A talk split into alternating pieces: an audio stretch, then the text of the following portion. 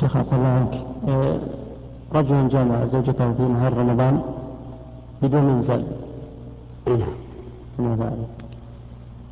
إذا جامع الرجل زوجته في نهار رمضان وهو ممن يجب عليه الصوم فإنه يترتب على جماعة خمسة أمور أولا الإثم وثانيا فساد اليوم وثالثا وجوب الإمساك.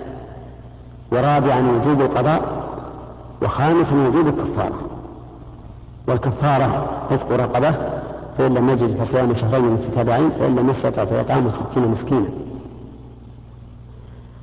حتى وإن لم ينزل لأن الجماع يوجب الغسل وإن لم ينزل ويفسد الصوم وإن لم ينزل ويفسد الحج وإن لم ينزل إذا كان قبل التحلل الأول.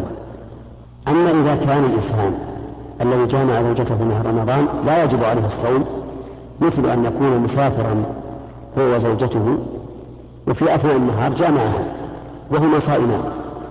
فهذان ليس عليهما إثم وإنما يفطران ذلك اليوم ويأكلان ويشربان ويقضيان يوما بدله لأن المسافر لا يلزمه الصوم.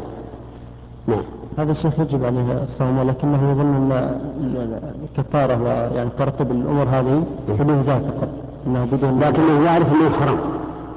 لا ما يعلم يعرف ان الجماع حرام. إيه نعم. ولكن يظن أن ترتب الكفارة على الانزال يظن ترتب هذه الأمور الحر... يعني الحرمة والإثم والافطار إيه. كلها تترتب على الانزال لكن يعلم ان ان الجماع حرام. الجماع بينزال بدون انزال لا ما يعلم. ما يعلم هذا؟ لا يظن أنه ليس فيه شيء من إذا كان إذا- إذا كان هذا هذا اعتقاده فإنه لا شيء عليه. طيب ولا وقوله ربنا لا تؤاخذنا إن نسينا وأخطأنا. ولا قضاء ذلك اليوم. ولا قضاء ذلك طيب.